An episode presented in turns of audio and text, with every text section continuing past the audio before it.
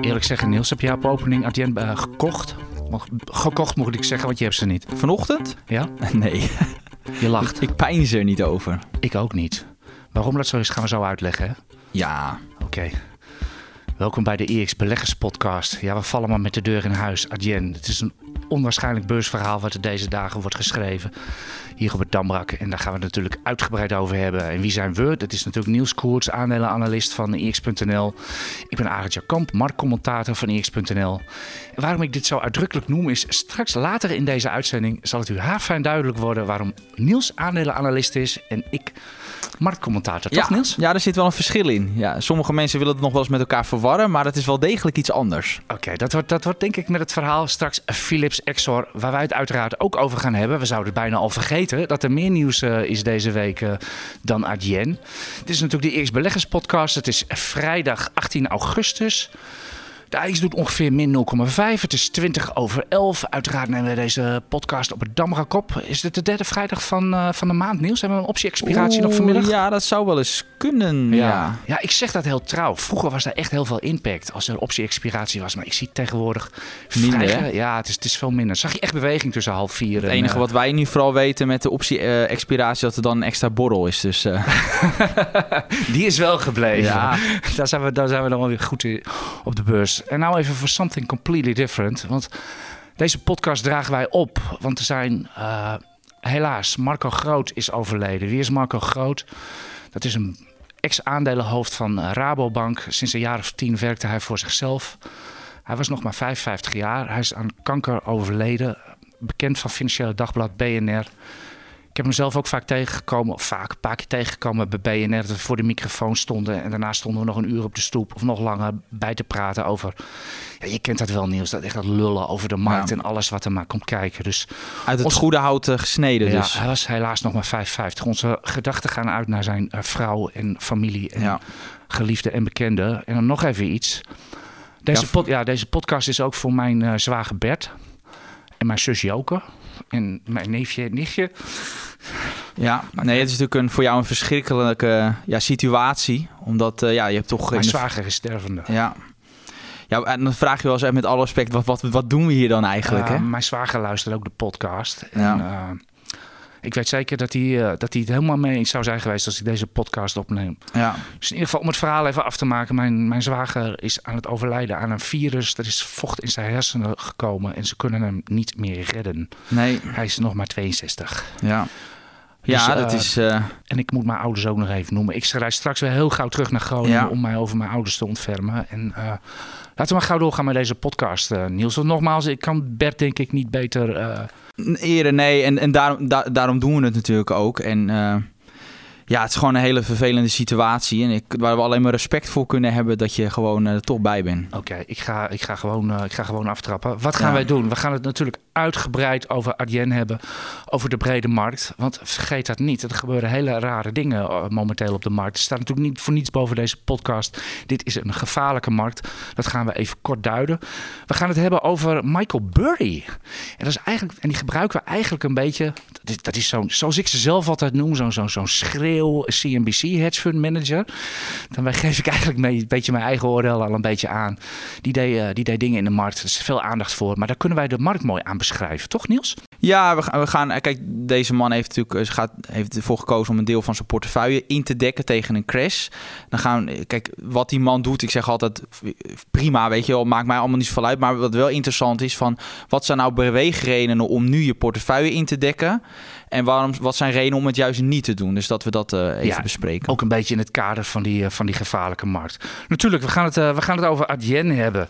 Verder, we hebben Egon. We hadden natuurlijk een... Jij noemt het zelf, het was formeel een omzetwaarschuwing. Maar jij noemt het gewoon winstwaarschuwing Ja. van Alfa. Ja, dat is een beetje standaard, want het is eigenlijk ook een winstwaarschuwing. Alleen als je nooit geen winstverwachting afgeeft, kun je op papier geen winstwaarschuwing afgeven. Bij deze. Ja.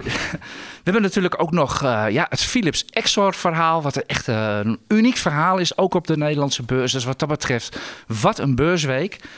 En we hebben natuurlijk de luistervragen, versnelde ronde. Tom schuift nog aan voor Kiek op de grafiek. En zullen we Ja. heel gauw met de brede markt beginnen? Ja, Wat is jouw nieuws? Wat is het nieuws deze week, eh, Niels? Begin jij maar. Nou ja, het nieuws is natuurlijk sowieso het verhaal Adyen. Maar waarom pak ik dat nu even bij de brede markt? Omdat dat een eh, ja, fors negatieve impact heeft ook op de AX zelf. Want Adyen heeft een weging van 5%. Nou, als daar 40% van afgaat, dan... Hoe, een Dan is die weging nu geen 5% Nee, meer. maar de simpele rekensom is wel dat dat gewoon eh, ervoor zorgt dat de AX individueel 2% daalt. Dus één aandeel, als jij trackers in de AX hebt, nou ik weet, jij hebt, eh, hebt die trackers op de AX, maar dat is veel meer luisteraars waarschijnlijk ook. Ja, ik heb die Dan- dure uit Dan, aandelen dan, kopen. eh, eh, zo- Zo'n koersval toont maar weer aan dat als jij alleen in de AX belegt, dat, dat je dan eigenlijk nog niet eens zo heel erg gespreid belegt. Want één aandeel zorgt er gewoon voor dat je gewoon je totale ETF met 2% zakt. En dat verklaart ook waarom de, de AX deze week 4% daalt.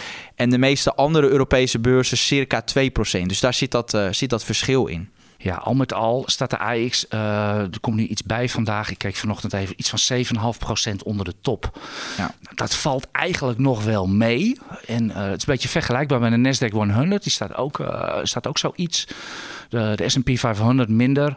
De SOX, de Semiconductor Index, die staat wel al min 10%. En ja, de Buy the Dip Club onder ons, die kan dat gaan kopen als ze daar zin in hebben. Dus Buy the Dip. En dan moet je er nooit over nadenken. Ik ga dat zelf niet doen, Nee. maar feel free. En jouw Wat nieuws? Mijn, ja, mijn nieuws is China. En eigenlijk vooral het Chinese nieuws wat we niet weten. En eh, er komen echt jobstijdingen momenteel uit, eh, uit China. We zien natuurlijk heel veel slechte economische data voorbij komen. Eh, er is een shadowbank in grote problemen. Naast die vastgoedfondsen. Evergrande gaat failliet verklaard worden. Ja. Die vraagt faillissement aan in de VS. Hoe dat allemaal in China zit, weet ik niet. We hebben daar ook Country Garden wat eh, aan de zijde draadje En die hadden nog veel meer vastgoed op de balans staan dan Evergrande. Hè? Dus dat zijn echt dat zijn geen kleine jongens. Ja, ik bedoel, zo'n Country Garden, ja, er is geen Nederlander een beetje die daarvan gehoord heeft. Ik bedoel, dat Nee. kennen wij niet.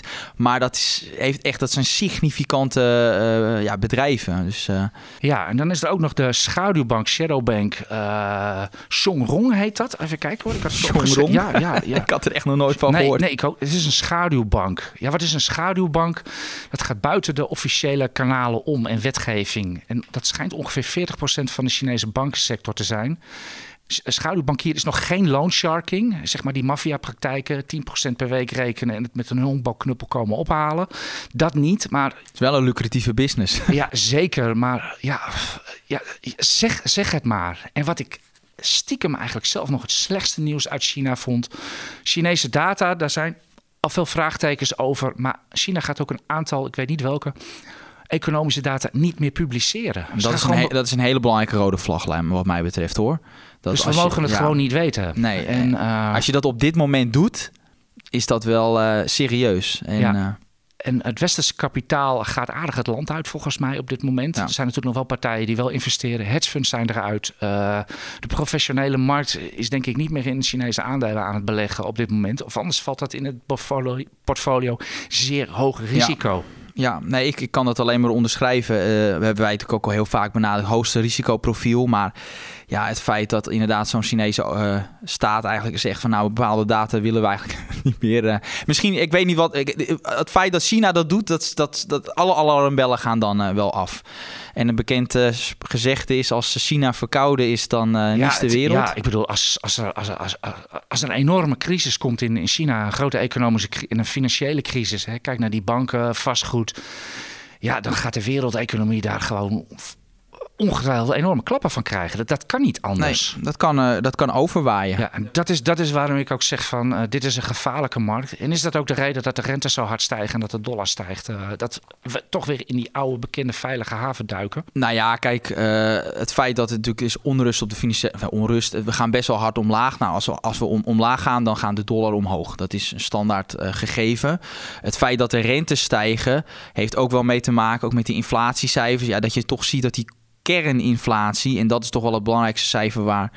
ehm, centrale bankiers naar kijken, ja, is toch nog echt te hoog, blijft hoog. Je ziet weliswaar de gewone inflatie afzwakken, maar die kerninflatie eh, is, is vrij hoog. Wat is de kerninflatie? Ja, daar, daar valt onder andere ook, eh, wat is het, de lonen va- va- vallen daarin. En eh, ik geloof ook de boodschappenmandjes, ja, al die ja, essentiële ja. zaken, die zitten daarin.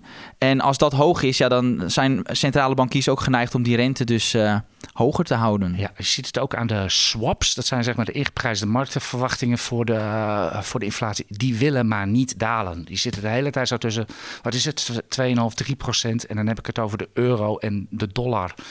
Dus ja, wat dat betreft, het, het, broeit een beetje onder de markt. Het is onheimisch. Er is nu nog niks aan de hand. Dat zie je ook aan de volatiliteit. Die is wel wat opgelopen, maar staat nog niet eens op, officie op officieuze onrustgrens 20.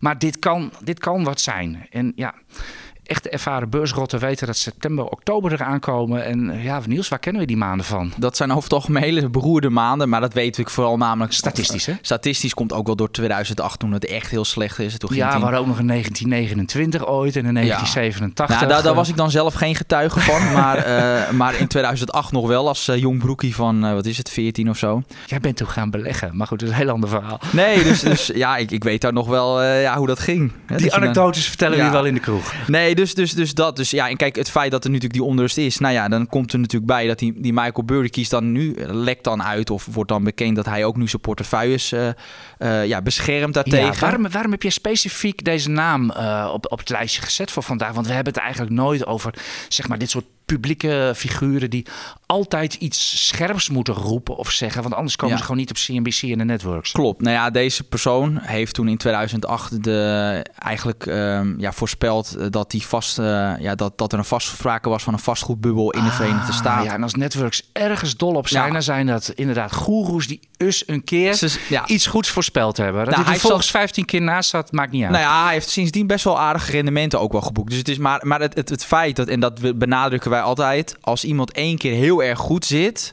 betekent dus niet dat het automatisch de keer erop dat hij ook goed zit. Maar ja, iedereen die duikt daarop. Dus vond ik het wel interessant om te kijken, nou, wat is misschien de beweegredenen van deze, van deze persoon om, uh, om juist nu Um, ja, zijn portefeuille te hedgen. Ja, De, de, als, als ik de bladen mocht lezen, was het alsof hij ging speculeren op een enorme beurscrash.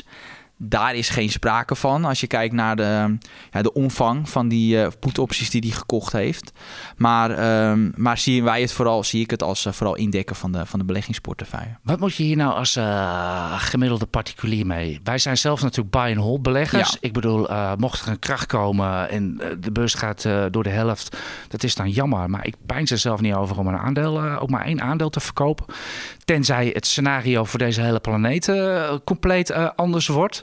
Maar dat zie ik niet zo heel snel gebeuren. Maar mensen die voor een paar maanden, zeg maar maximaal een jaar beleggen en gewoon echt niet dit soort dalingen mee willen maken. Wat, wat is het advies? Nou ja, kijk, als je dit soort echt, als je een daling van 30, 40 Tenminste, je sorteert erop voor. Hè? Ja. Je bent bang dat dit gaat gebeuren. Je zit op de lijn Burry. Kijk, het blijft natuurlijk, feit blijft natuurlijk staan dat als jij een daling van 30% niet aan kan, dan neem je te veel risico. Dus dan zou je deel van je aandelenportefeuille moeten overzetten naar obligaties. Uh, dat is natuurlijk een, belangrijk punt. Um, ja, kijk, met als individuele personen die keuze, maar in principe doe ik daar niet veel mee. Maar het is wel leuk om te kijken naar die beweegredenen. En um, ja, als je bijvoorbeeld begint, nou, we hebben het al gehad over die Chinese vastgoedcrisis. Uh, de 15 jaar geleden begon ook uh, de crisis, de economische crisis, met een vastgoedcrisis. Ja, dat heette, ook, dat heette Staten. ook country. We hebben, nu, uh, we hebben nu de Chinese country, maar toen hadden we countrywide financial. Dus, ja, ja, nee, maar toen dat begon, zijn. Ja, dat begon dus ook met, met een vastgoed. Dus, dus dat is, dat is een, een, ja, toch wel een link die je kan leggen. En twee, als je kijkt naar de waarderingen van aandelen ten opzichte van het historisch gemiddelde, ja, die zijn wel echt bijzonder hoog. Als je bijvoorbeeld mooi kijkt naar die Schiller PE, dat is eigenlijk een koers-winstverhouding in inflatie gecorrigeerd over de afgelopen 10 jaar. Uh, dat is een, een PI van 20. Nou, wat zegt dat? Dat is ongeveer twee keer zo hoog als gemiddeld. Dus eh, qua waardering is dat dus het dubbele. Terwijl de rente, eerder was het altijd zo, kon je dat verklaren. Nou, de rente was heel erg laag en bij hele lagere rentes horen hogere waarderingen. Maar nu zie je dat die rente dusdanig is opgelopen, die kapitaalmarktrente in de Verenigde Staten dat dat in een lijn is met het historisch gemiddelde. Dus dat zou uh, die hoge waardering niet, niet verklaren.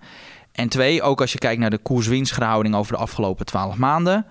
Dan is 16 en ook dat is 50%, of eh, nee, dat is 25 en dat is 50% hoger dan het gemiddelde van 16. Dus qua waardering zitten we dus fors boven het gemiddelde. Dat was altijd al zo, maar nu zie je dus ook dat de rente naar dat gemiddelde gaat. Dus dat, is dus, dat zijn redenen. De hoge waarderingen, nou, die risico's in China is, een reden. Maar ook, uh, wat we ook niet mogen vergeten, en dat is mijn derde argument, uh, die renteverhogingen van centrale banken, dat effect op de economie, dat heeft altijd, het is altijd, een, heeft altijd een vertraging. Dus ik denk dat we daar de echte pijn nog van, uh, nog van moeten zien. Dat is natuurlijk ook gewoon het CBS-rapport van gisteren. Hè? Die slechte tijden voorspellen, want daar komt het gewoon op neer. Waar, uh, waar risico's zijn, zijn altijd kansen. Ja. En de kans die er denk ik is, is dat de winstverwachtingen oplopen. Zeker in Amerika, de winstverwachtingen van aandelen. Uh, dat zijn verwachtingen, die hoeven niet uit te komen, maar ze kunnen ook wel uitkomen. En ze kunnen ook nog met een hefboom uitkomen. Ja. En dat is natuurlijk de kans die er is. En dat is de fout die we in het verleden heel vaak gemaakt hebben na een crisis. Ook in 2000, uh, 2008. Dan zitten we nog helemaal in de modus van ja, maar het kan niet. En alles is stom en stuk en kapot. Het kan niet. En, ja, en voor je het weet uh, heb je de hele boelmarkt gemist. Ja, kijk, ja. en dat zie je natuurlijk ook. Hè, dat, dat nu zitten we natuurlijk in... Nou, Nederland is officieel in een economische een recessie. Ja, recessie, ja, officieel. Ja, niet heel erg dramatisch. 0,3% of zo. Dat gaat helemaal nergens over. Maar dat zie je ook omdat... En dat is ook het belangrijke. Dat door veel bedrijven hun voorraden afbouwen. Uh, maar dat zie je wel dat nu in die zomer... Dat we, dat we waarschijnlijk dat qua voorraad afbouw... dat we dus het ergste hebben gehad. En als inderdaad blijkt dat we nu weer gaan investeren... dan zou het dus kunnen dat het wel weer aantrekt. Alleen ja, toch nog steeds die stijgende rente. Dat is wel... Ja, en dat China wat op de achtergrond ja. speelt. En je kan nog wel veel meer, uh, veel meer bearische dingen bedenken. Maar vergeet nooit, hoe meer, hoe meer argumenten er zijn om de markt te gaan dalen... Mr. Market is heel eigenwijs. En de rest vult u zelf maar Ja, en dat is natuurlijk ook de tweede argument. Ja, ik bedoel, um, je kan daar dus wel indekken. Alleen je weet dus niet wanneer je gelijk krijgt. Dat kan soms jaren duren. Uh, dat is, en, en hoe langer dat duurt, hoe meer rendement het je kost. Want gemiddeld gezien gaat de Amerikaanse beurs, want hij speculeert op een daling. Hè, hij dekt zich in tegen een daling van de S&P 500 en de Nasdaq. Ja, gemiddeld gezien gaan die indices gewoon in Amerika circa 10% per jaar omhoog. Ja, om ja, daar je, bent, dus je bent te- tegen 400 jaar statistiek aan het in uh, speculeren hoor. Ja. En dat is dus precies iets wat ik zelf, nou ja, eigenlijk nooit zou doen. Ook al zijn waarderingen boven gemiddeld. Uh, dan nog zou ik niet snel ervoor kiezen om, om te speculeren op een, op een daling of, of mijn portefeuilles indekken. De enige reden dat ik dat zou doen, is dat je echt met expl, expl, uh, expl, ja, explosief hoge waarderingen te maken hebt, zoals in begin 2000. Ja, maar toen waren de waarderingen echt nog veel en veel hoger dan nu. En ondanks dat de gemiddelde waardering vrij hoog is, ik zie nog steeds echt wel veel kansrijke beleggingen. En uh, dus, dus, dus die ruimte is er nog steeds. Okay. Dus... Wie twee dagen geleden nog ook nog een hele hoge waardering had, maar intussen uh, uh, niet meer. Bezi is zelfs duurder. Ja. Adyen. Ja, we, stonden, we hebben net ja. voor de voordeur. Uh, Adyen zit hier echt letterlijk om de hoek van, uh, van het Damrak. Aan de andere kant van de dam. Het is 200 meter scheelt het. Uh, we hebben even een fotootje gemaakt. Dit is, nou ja, goed. U hebt er allemaal al in de kranten gelezen. Wat er aan uh, die, die koersdaling, daar hoeven we denk ik verder niet meer uh, Nou ja, over. de grootste koersdaling, min 40%. Ja. Grootste koersdaling maar sinds hoe, het debakel ja, maar hoe kan dit? Ik bedoel, Adyen is gewoon een fantastisch bedrijf. Ze groeien als kool, ze verdienen bakken met geld. En uh, het gaat daar, ze investeren, ze doen, al, ze doen eigenlijk alles goed. En wat gebeurt hier? Nou ja, ik geloof dat ik vorige week ook een verhaaltje toen die, die, die vergelijking had met Bayer en Beyond Meat. en, en, en wat ik toen, wat het kennen van het verhaal is waarom ik zelf liever in dus wat lager gewaardeerde bedrijven zit, omdat je dus een groter aandeel in de winst krijgt. En dus bij lage waarderingen wordt een, uh, vaak is het zo dat als het tegenvalt, dat die afstraffing minder groot is. Uh, en dat zie je dus nu ook weer bij zo'n Adyen die cijfers zijn inderdaad slechter dan verwacht.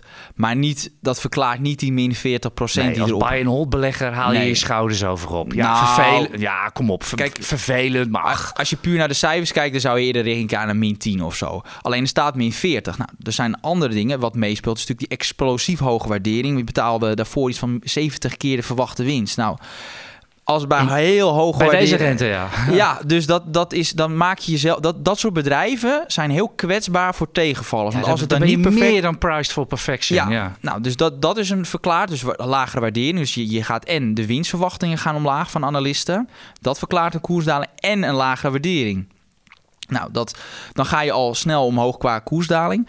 En drie, en dat is wel een belangrijk punt. Kijk, uh, Adyen was ook geprijsd uh, voor het feit dat ze gewoon hun marges in de toekomst kunnen verhogen. En wat blijkt nu, dat toch in de Verenigde Staten met name, dat daar toch sprake is van een, ja, een soort van prijzenoorlog. En dat klanten ook wisselen van betaalplatformen. Er dus is concurrentie. Ja, en dan is het dat die marktposities van die betaalplatforms niet zo sterk was als dat wij altijd dachten.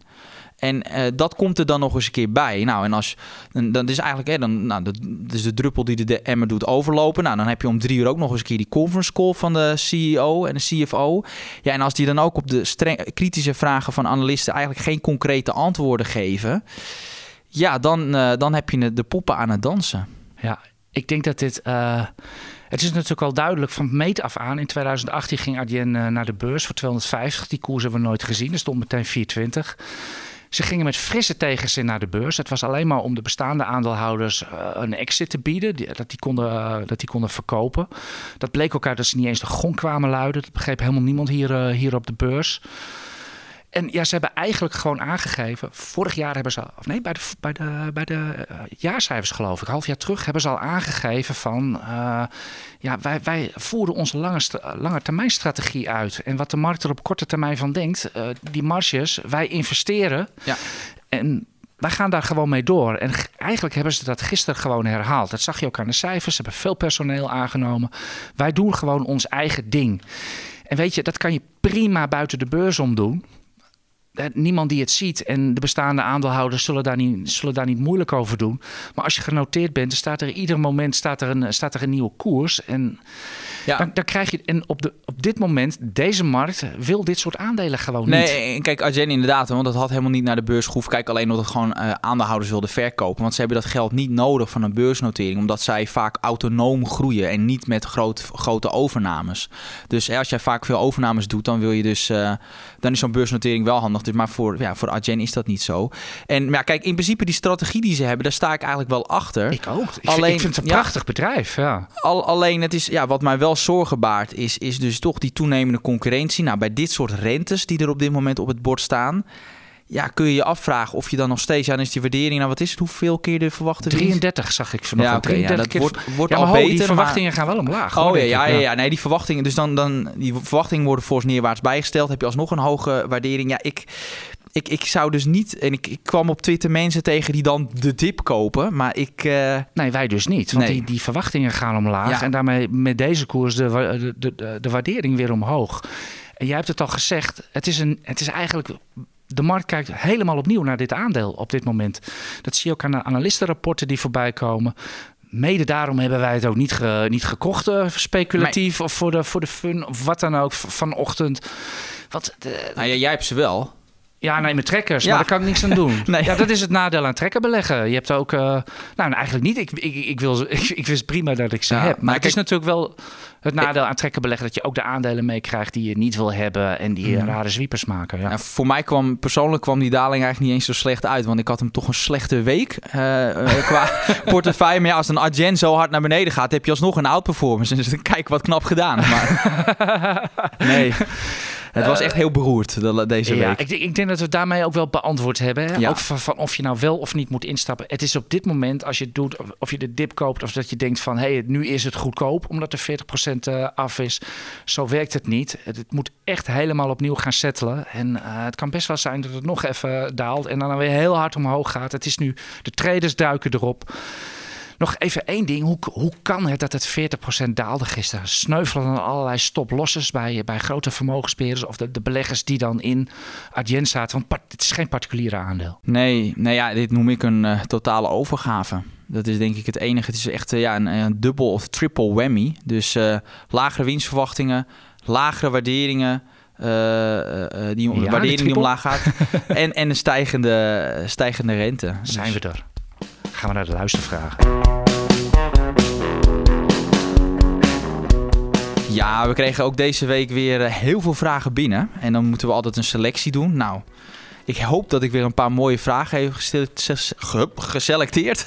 uh, voor wie vragen wil stellen, dat kan via Instagram, dat kan via onderaan uh, de podcast, zowel in het artikel als uh, gewoon op Spotify zelf. Dus uh, als je rechtstreeks bij ons op Twitter. Ja, als je dus een vraag hebt, dat kan dus gewoon. Uh, ik denk dat nou kwam wel een leuke vraag ook voor jou binnen, AJ. hij vraagt: ja, wat is jouw strategie als het gaat om het uitbetalen van dividend? Kijk je daar per keer naar met wat je ermee doet, of wordt het een potje dat je het een beetje opspaart en dat dan in één keer in nieuwe aandelen steekt? Die vraag kwam van Misha Tubenitski. Wow. Uh, hoe doe jij dat, Niels? Maar wat, wat ik standaard doe, dus je hebt altijd die kwartaalcijferseizoenen, of die uh, dividendseizoenen. En dan wacht ik vaak uh, anderhalve maand af, want dan komen al die dividendaandelen een beetje komen ze tegelijk. En dat pot ik dan op. En dat is dan een x bedrag. En dat stop ik dan, uh, dat geld als het eenmaal bij elkaar is gekomen, dat stop ik dan weer in nieuwe aandelen. Ja, bij mij komt het gewoon ook op mijn, op mijn rekening binnen. Dat gaat bij mij op de grote hoop en dat, dat beleg ik uh, weer. Ik beleg het niet, niet, specifiek, de dividenden die ik van Shell krijg, dat ik dat weer in Shell ga steken. Dus uh, ik beleg dat echt algemeen of waar het dan ook maar in gaat. Als het maar belegd is. Oké, heel goed. Uh, nu een vraag van care59.nl. kan Rabo een extra dividend uitkeren aan zijn participatiehouders nu de winst is verdubbeld? Dat vind ik wel een hele leuke vraag. Maar uh, Rabobank betaalt geen dividend, uh, nee. Niels. Nee, het is een coupon. En op een, uh, ja, een soort van achtergestelde obligatie. En wat we al zeggen, dat is een obligatie met het risico van een aandeel.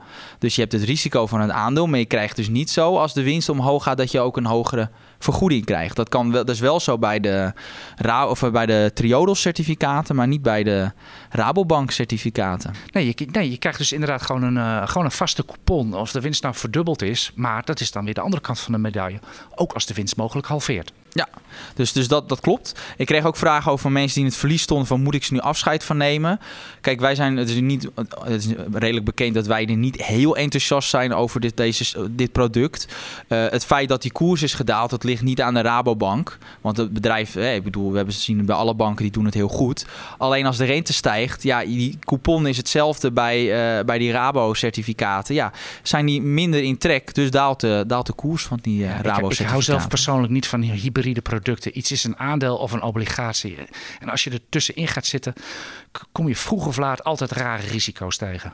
Oké.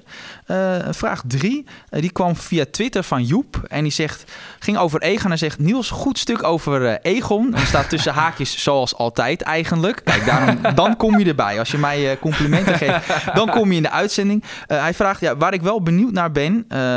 Waar, is van waarom jouw voorkeur op dit moment uitgaat naar NN en ASR... in plaats van Egon. Uh, zie, waar, waar het had ook cijfers deze week, ja. dus maak het hele verhaal maar, Niels. Ja, nou kijk, in principe kan ik relatief kort zijn over de cijfers van, van Egon. Dus het operationeel was het beter dan verwacht. Uh, alleen uh, wat wel opviel, en daardoor ging die koers ook omlaag, dat uh, die buffer, dus die kapitaalratio, die viel echt wel wat zwakker uit dan verwacht. Was 208% verwacht, werd 202. Is, is dat nou een heel groot drama, zo'n zo, zo 6% verschil? Um, nee, het is niet een ramp. Alleen het is wel zo dat het komt door, met name waar ze ook zij last van hebben, is dat die, ehm, ja, die dalende vastgoedprijzen. Uh, daar hebben ze last van. Dus ja, dat komt tot uiting in een lagere solvabiliteit. Maar per saldo is nog steeds die kapitaalratio's zijn eigenlijk ijzersterk bij Egon. Dus ik maak me er ook niet zo zorgen om. Alleen het is wel zo, hoe lager zo'n ratio... Uh, hoe minder ruimte er is uh, om, om dividend en uit te keren en eigen aandelen in te kopen. Maar boven 200% is nog steeds ijzersterk. Oké, okay, maar nu even die vraag: ja. waarom liever ASR en NN? Nou, kijk, het, ik ben er eigenlijk over alle drie enthousiast. Uh, het enige is dat ik met name bij NN zie ik iets meer opwaarts potentieel. Maar daar staat ook wel weer tegenover dat hun buffers wel wat lager zijn. Dus um, zeker omdat, nou je ziet nu bij Egon dat het slechter uitvalt, is er ook wel een reële kans dat het bij NN ook het geval is. En dan zou het bijvoorbeeld kunnen zijn dat ze bijvoorbeeld een jaar het aandelen inkoopprogramma overslaan. Uh, en dat ze wel dividend kunnen ze uiteraard houden.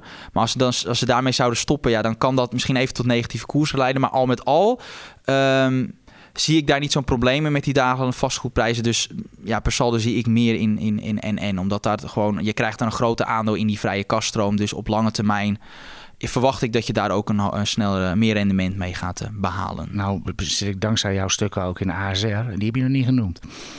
Die doen het toch best aardig. Oh, ja, maar je noemt heel expliciet nu. En, en, oh, en, ja, Egon, nee, ASR is eigenlijk... Mag ik ook een beetje maar voor mijn eigen port ook opkomen? Nou, ASR heeft de, de sterkste schadetak. Eigenlijk zo'n beetje wel van Europa. Dus daar ben ik wel van gecharmeerd. sterkste schadetak. Ja, dus zij, een mooie uitdrukking. Ja, dus wat ze altijd voor elkaar krijgen is dat ze veel premies eh, binnenkrijgen, maar bijna niks uitkeren. Dus uh, dat, is, uh, dat is ASR. en ze hebben er ook in. En ze hebben een goed imago. Dus, uh, dus, dus groen imago en zo. Dus dat doen ze wel goed. Maar vooral ook dividenden wat continu omhoog gaat. Uh, ook sterke kapitaalratio's. Dus, dus ja, dat zijn gewoon no-brainers in de portefeuille. Ik heb, ze, ik heb al, eigenlijk alle drie de aandelen. Omdat uh, ja, met, met Egon heb je meer exposure naar Amerika, ASR meer naar schade en en weer meer uh, leven. Dus, dus ja, je hebt van alle drie pak je, pak je wat. Je bent, je bent een echte Hollander, weet je. Dat je tegen alles mogelijk maar verzekeren, verzekeren, verzekeren. We zijn het meest verzekerde land ter wereld, geloof ik. Nou, ik ben zelf niet zo erg van het verzekeren hoor. Maar wel om erin te beleggen, omdat andere mensen wel verzekeren. Dus, ja, ik denk dat, dat vind ik wel een hele leuke. Ik, ik denk, ja. We gaan zo verder met de IEX Beleggers Podcast. Maar eerst graag uw aandacht voor de voordelen van een IEX-abonnement. Mijn naam is Pieter Kort, hoofd content van IEX. Als IEX-abonnee ontvangt u dagelijks kooptips, de beste analyses van onze experts, toegang tot onze modelportefeuilles en het beste beleggersblad van Nederland, IEX Expert, elke week. Ga naar iex.nl actie. Voor slechts 24,95 bent u drie maanden abonnee. Alfa, winstwaarschuwing. Laten we het maar gewoon zo noemen. Maar dat mag je wel even helemaal gaan uitleggen. Ja, nou, op, op officieel is het een omzetwaar. Als jij nooit een winstwaarschuwing af, of een, nooit een winstverwachting afgeeft, kan je ook nooit met een winstwaarschuwing komen. Want dat is alleen maar als je dus waarom, slechter presteert. Waarom doen dan niet alle bedrijven dat? Nou, omdat we als beleggers ook wel graag een beetje duiding willen van waar het heen gaat. Want je ziet bedrijven die wat concreter zijn met het voorspellen. Dat zorgt ook voor meer vertrouwen. En dan kan er ook wat hogere waardering op het bord staan. Daarom, uh, ja, ik, ik, ik, vind, ik vind ook een bedrijf moet daar gewoon wat concreter in zijn. Uh, tenzij het een biotechbedrijf is of zo. Maar, uh, maar Alphen, ja, dat was... Uh, niet best. dat is het, het, enige wat ik, ja, het belangrijkste wat ik erover kan, kan zeggen. Omzet 10% lager is de verwachting dan, uh, ja, dan dat ze eerder hadden voorspeld. Ik zag het wel een klein beetje aankomen. Ik, ik keek nog op mijn artikel terug. Er stond echt letterlijk op van nou, waarom uh, de tweede kwartaalcijfers van Alphen mogelijk kunnen uitlopen tot een deceptie. Nou, dat, uh, dat is, alle seinen staan in dat opzicht op uh, groen voor een deceptie. Want ja, ze hebben gewoon last van uh, ook weer bedrijven die voorraden afbouwen. Die laadpalenbusiness heeft daar last van. Daardoor worden die laadpalen tegen hoge kortingen aangeboden. Terwijl ze afgelopen jaar de, de hoofdprijs kregen. En dan gaan die marges omlaag. En dat zie je ook, omzet omlaag, marges omlaag ja, marktpositie niet ijzersterk. zijn meer partijen die op die markt komen. Dus, uh...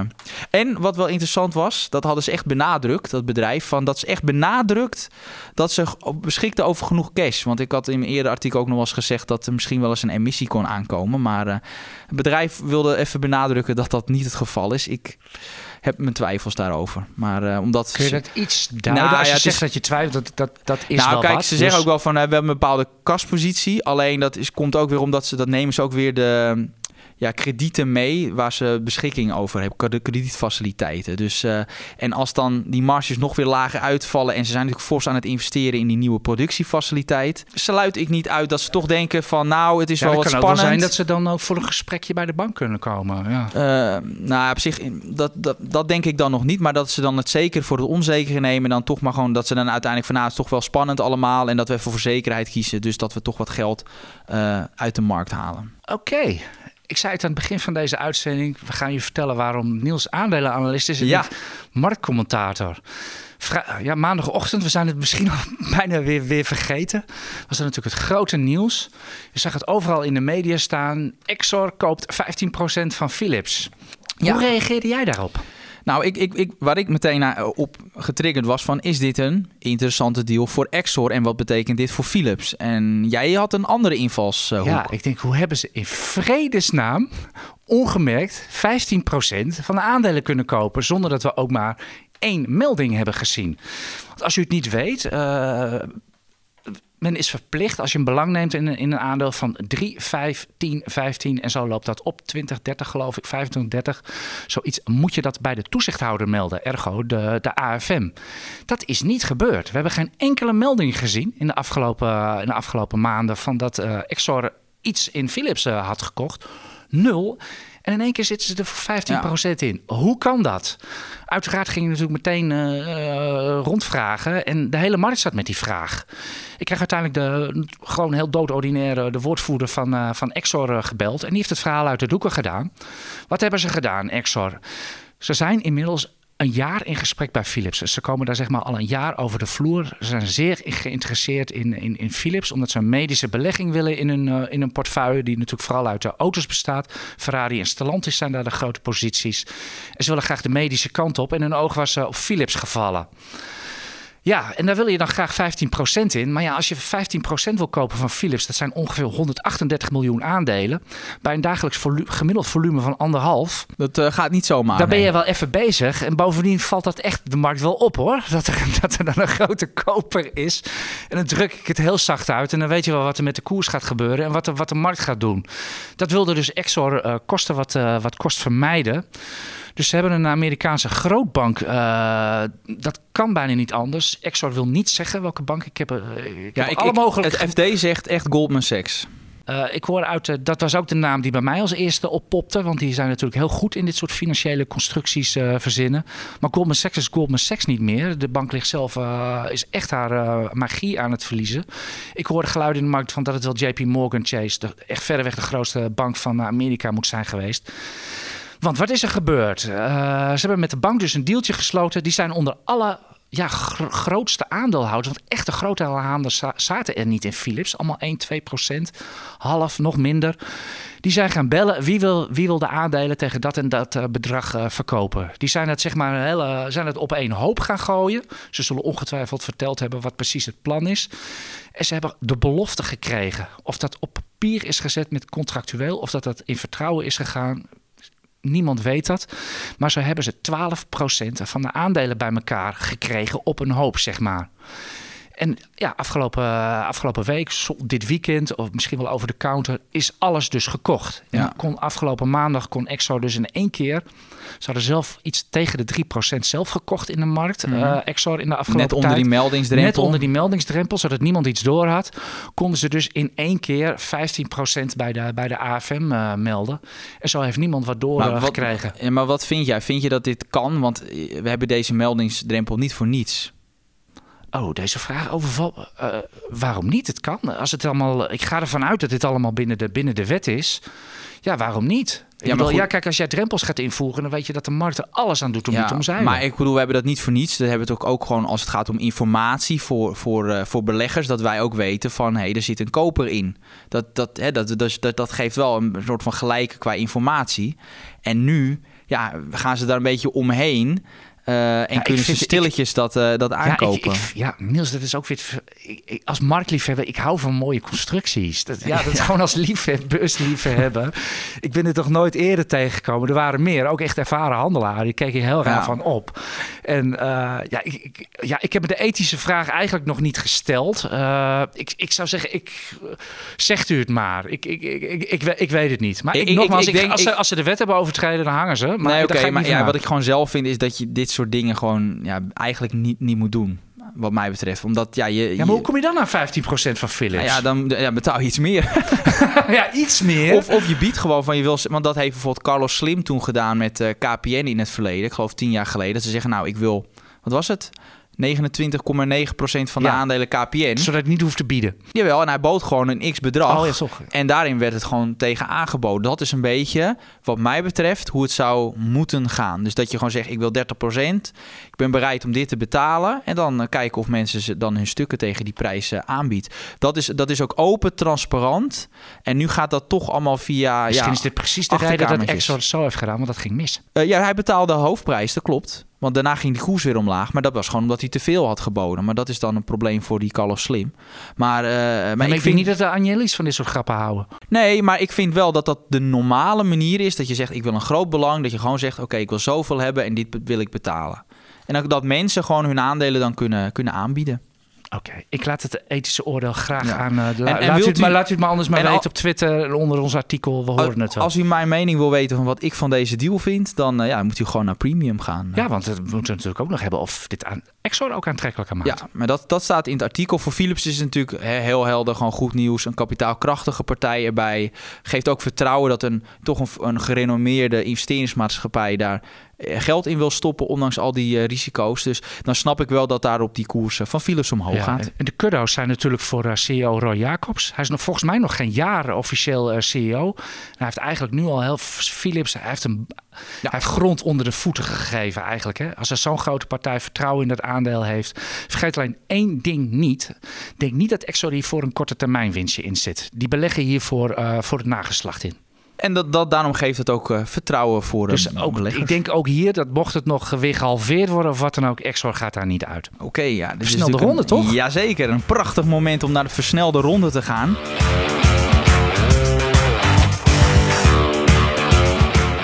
We trappen af. Ik begin voor jou, AJ. Eh, vorige week werd bekend dat vermogensbeheerder Cardano zijn compliance-regels aanscherpt.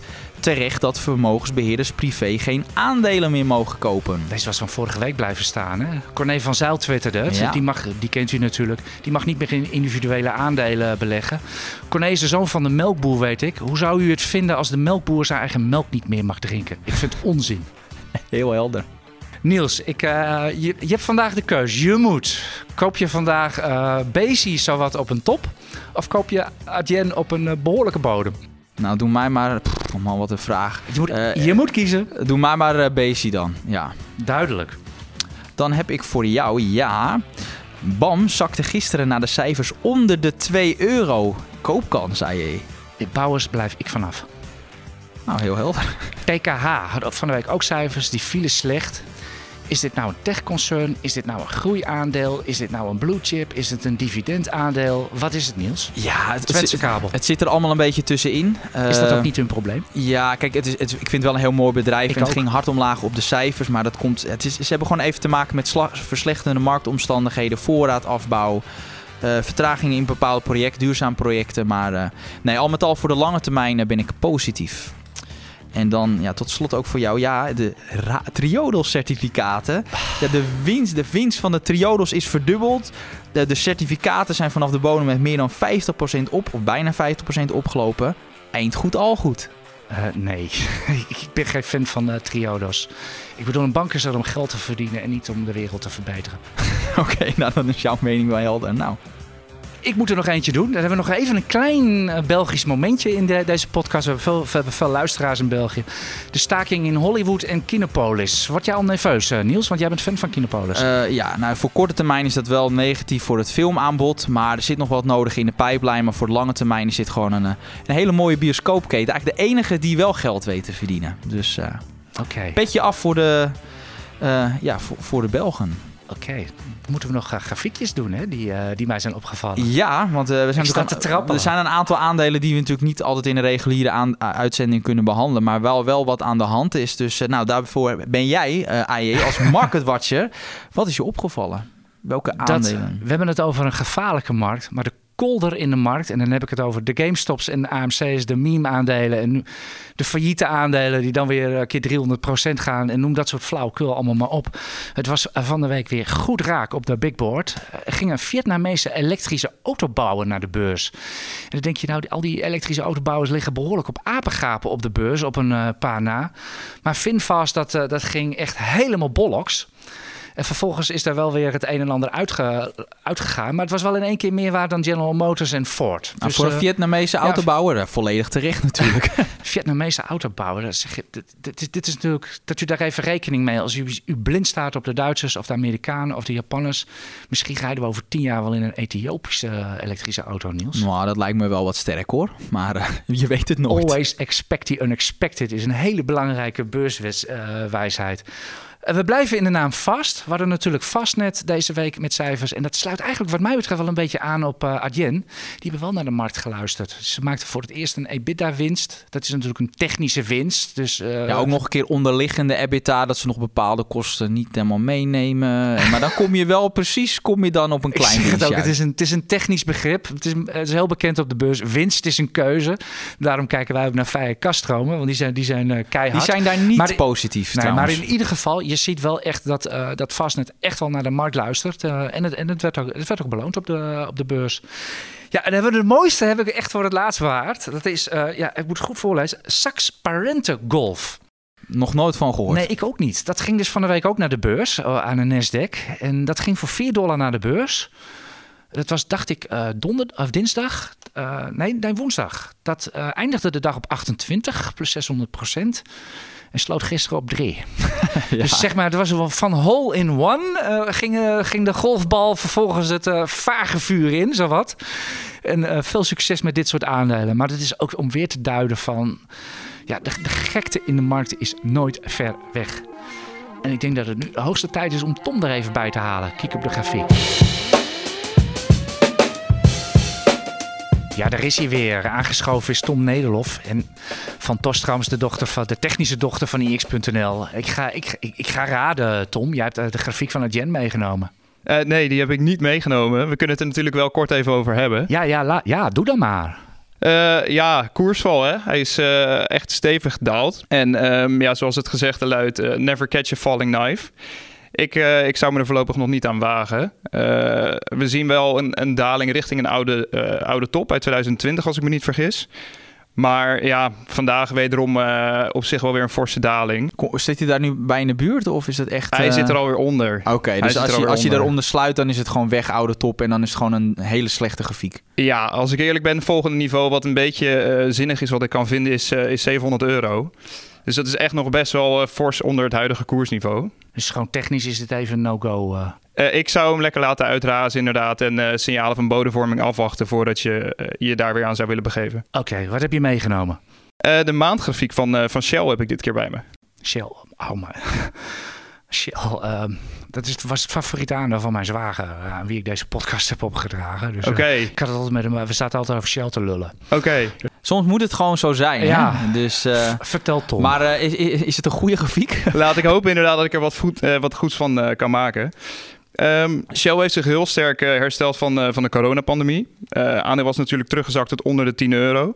En we zien hem nu eigenlijk weer, weer terug in de oude bandbreedte. huidige koers zo rond de 28. En als je de bandbreedte vormt, dat maakt de maandgrafiek ook Wat erg interessant. Wat is die bandbreedte ongeveer? Um, die, die ligt tussen 25 en 31 euro in. Dus als je mm -hmm. drie horizontale niveaus zou trekken, dan is uh, van belang 25 als, uh, als de bodem. Mm -hmm. 28 eigenlijk een beetje het huidige koersniveau. Mm -hmm. uh, ja, dat is een beetje het gemiddelde daartussenin. Daar zie je veel reactie op. En aan de bovenzijde wacht, wacht 31. En zeker de, ja, op de maandgrafiek gaan we natuurlijk best wel een poos terug.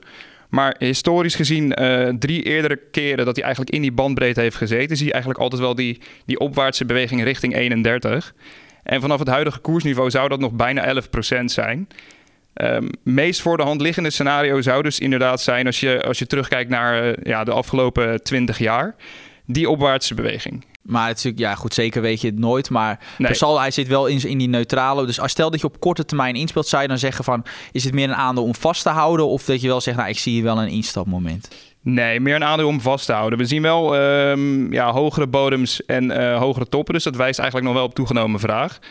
Alleen binnen die bandbreedte, uh, ja, uh, hij hangt echt in het midden. Dus, dus het liefste wil je hem gewoon boven die 31 zien uitbreken? Ja, dan, dan ontstaat er weer wat ruimte. Helder. Ja, ja. En als je, als je Shell technisch niet interessant vindt, dan is er ook nog altijd zoiets als dividend en aandelen inkopen. Precies, precies. Maar uh, ja, mocht je hem in portefeuille hebben, zou ik hem, uh, zou ik hem zeker aanhouden. Ja. Heel goed. En ik vind het, wat, wat mezelf heel veel opvalt, is dat toch heel veel mensen eigenlijk gewoon handelen in Shell. Echt, dat er toch echt wel koersritjes in maken. Dus uh, laten we hopen dat dit, dat dit zinnig is. Ja. Oké, okay, dit was de, ja, um, een emotionele ja. Niels, IX Beleggers podcast. Maar dank u hartelijk voor het luisteren. Denk je goed na over de markt en doe vooral geen domme dingen van paniek is nog nooit iemand uh, rijk geworden op de beurs. En dingen impulsief doen ook niet. Wij wensen je heel veel succes volgende week op de beurs. En prettig weekend. Bedankt voor het luisteren.